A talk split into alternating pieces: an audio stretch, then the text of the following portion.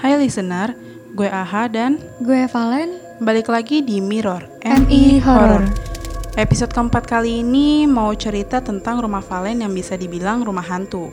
Bener sih Ha, jadi gue dulu punya rumah di daerah kampung sih Dan banyak banget kejadian mistis yang tak terduga Oke deh, bisa langsung ceritain aja Len kayak gimana sih rumah berhantu versi lo? Ya jadi gue dulu punya rumah daerah Jawa Tengah Lumayan angker sih Berawal dari bokap gue yang suka main PS bareng teman-temannya Nah bokap gue ini punya temen orang pelayaran Kerja di kapal Waktu itu dia dibunuh kayak dikasih racun gitu Dan tubuhnya dibuang ke laut Dibuang ke laut. Terus hilang gitu aja jasadnya? Atau ditemuin? Untungnya sih ketemu Ha dan langsung dikuburin sama keluarganya. Belum ada 40 hari, arwahnya datang ke rumah gue.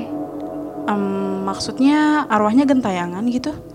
Iya, jadi pas setelah meninggal, arwahnya datang ke rumah gue. Awalnya nyokap gue tuh lagi kebangun di tengah malam, mau buang air kecil, terus ke kamar mandi. Nah, selesai buang air kecil, keluar dari kamar mandi, ngeliat kayak sosok pocong gitu.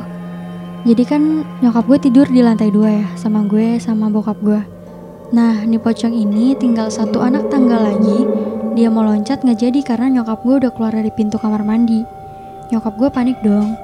Terus nyokap gue memastiin ngeliat sosok pocong ini. Dilihat lagi, kok kakinya ngambang nggak napak. Dia makin penasaran nih, dilihat lagi mukanya. Matanya merah. Dan nyokap gue memastiin ini cewek apa cowok. Dan pas dilihat, sosoknya cowok. Nyokap gue panik kan, langsung masuk ke kamar, bangunin bokap gue. Papa, ada pocong di luar.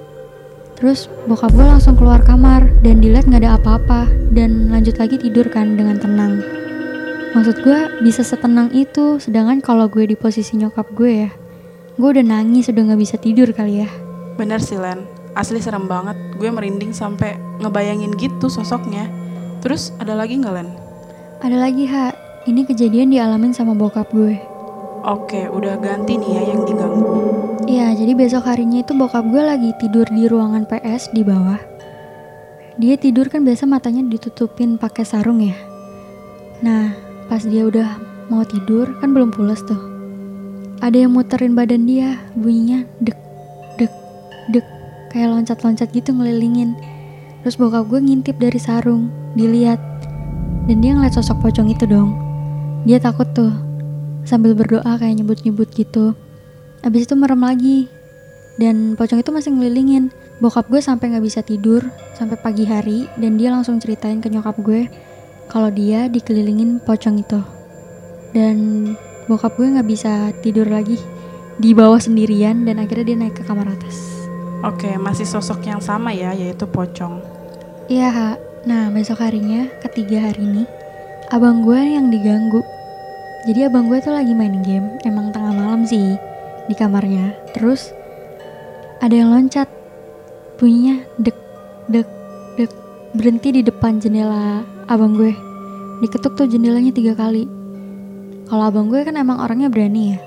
Dia keluar ke luar pintu, terus dilihat dilihat di jendelanya nggak ada di terasnya juga nggak ada orang nggak ada orang sama sekali dia terus turun ke lantai bawah dia juga nggak ngeliat apa-apa pas dia balik lagi ke kamar jendelanya kan hordingnya belum ditutup ya. Dia ngeliat dong pocongnya itu lewat kayak dek dek dek loncat loncat gitu. Nah abang gue udah tahu kan yang dilihat itu apa. Jadi ya udah langsung tutup pintu tutup hordingnya dan berdoa. Habis itu tidur. Besok paginya dia cerita ke nyokap gue kalau dia ngeliat pocong. Hari keempat gue udah panik dong karena nyokap gue udah diliatin, bokap gue juga kena, abang gue juga udah. Gue panik semalaman gak bisa tidur. Tapi untungnya gak kenapa-napa sih gue kayak nggak ngeliat sosok itu sama sekali dan gue juga nggak mau juga diliatin pocong itu. Wah, lo beruntung banget sih Len. Ya, seenggaknya masih bikin lo tenang lah ya dengan cara lo nggak diganggu kayak gitu. Soalnya kan orang beda-beda. Ada yang bersyukur sama uh, apa yang Tuhan berikan yang bisa mereka lihat sosok kayak gitu-gitu dan ada yang emang benar-benar takut karena kan ini mempengaruhi psikologis orang juga kan. Tapi selain itu ada kejadian mistis lagi nggak di rumah lo? Nah ada cerita lagi nih Ha. Oke masih ada. Coba ceritain lagi Len, penasaran gue. Masih di tempat yang sama ya, kan udah kejadian seminggu itu bokap gue main PS lagi nih sama teman-teman yang lain.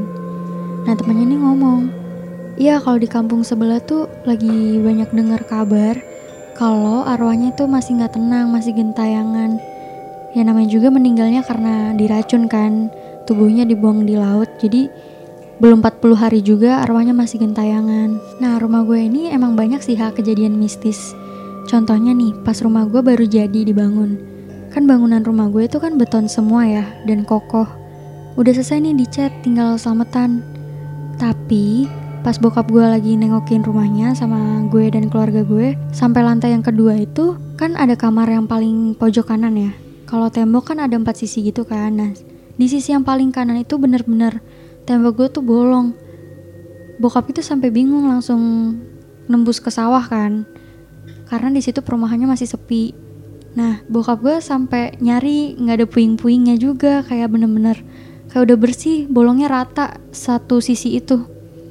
Dan bokap gue nanya dong ke tukangnya kayak tukangnya pun juga heran. Akhirnya ya udahlah dibenerin lagi aja, di disusun lagi bata-batanya, udah dicat lagi, udah jadi nih, udah selesai. Akhirnya rumah gue udah selamatan kan. Karena biar nggak ada kejadian apa-apa atau hal-hal aneh dan ternyata penunggu di lantai dua itu bisa disebut kayak cewek kuntilanak gitu tapi ada culaknya sama anaknya. Dan yang pernah ngeliat itu nyokap gue. Pernah nih waktu suatu hari om gue datang nih ke rumah main gitu sama keluarganya.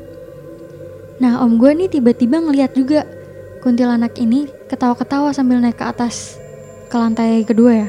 Jadi om gue nih ngejar kan bawa benda gitu. Nah yang bantu ngejar itu bokap gue sama abang gue sedangkan yang cewek-cewek nih di di lantai bawah aja gitu kayak nggak ikut kayak buat nenangin diri semua gitu biar yang cowok-cowok aja naik ke atas.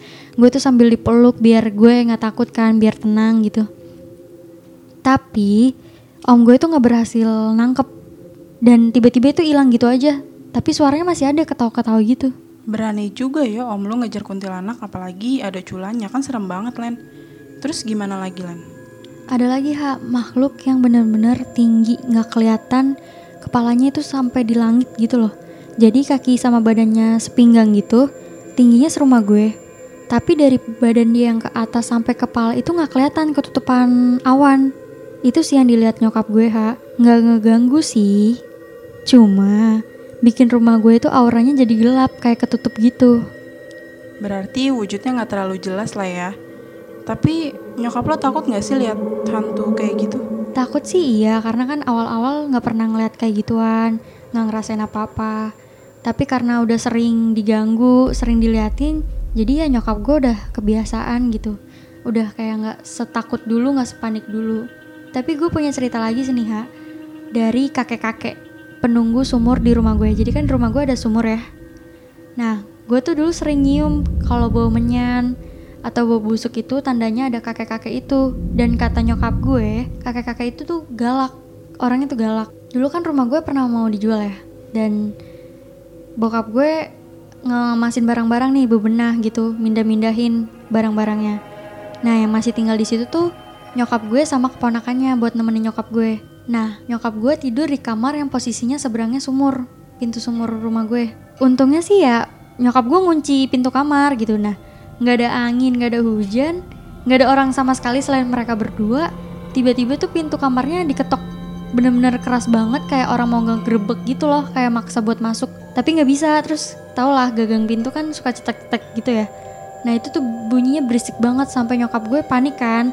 Nyokap gue bangun ini keponakannya. Nah ditanya kamu denger nggak pintu digedor keras banget? Terus kata keponakannya nggak denger sama sekali dan dia lanjut tidur kan nyokap gue tuh berusaha nenangin diri gitu kan. Diam kayak masih kepikiran gitu. Nah tiba-tiba di jendela itu ada yang ngetuk keras banget. Nyokap gue panik kan. Nyokap gue berdoa lagi tuh berdoa kayak biar nggak digangguin atau walaupun itu manusia atau bukan kayak nyokap gue biar aman gitu ya. Dan akhirnya ya hilang udah hilang. Dan itu kejadian dua malam berturut-turut nyokap gue tidur di situ.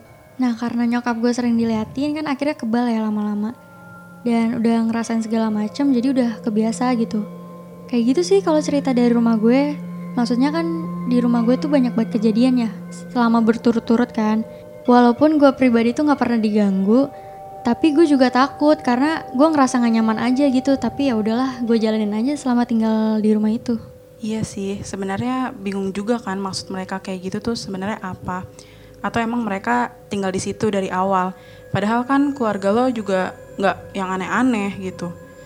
Oke, thank you Valen ceritanya di Mirror episode kali ini. Terima kasih buat yang udah dengerin dan ada kabar baik nih. Buat kalian yang punya cerita horor khususnya dari rumah kalian, bisa share via DM sosmed kita di Instagram Mata Milenial Indonesia dan email kita sosmedmataindonesia at gmail.com Dan nanti episode berikutnya kita akan ceritain kisah horor rumah berhantu versi kalian. Jadi, yang ada cerita jangan lupa buat share ke kita dan dengerin terus Mirror di episode selanjutnya. Bye.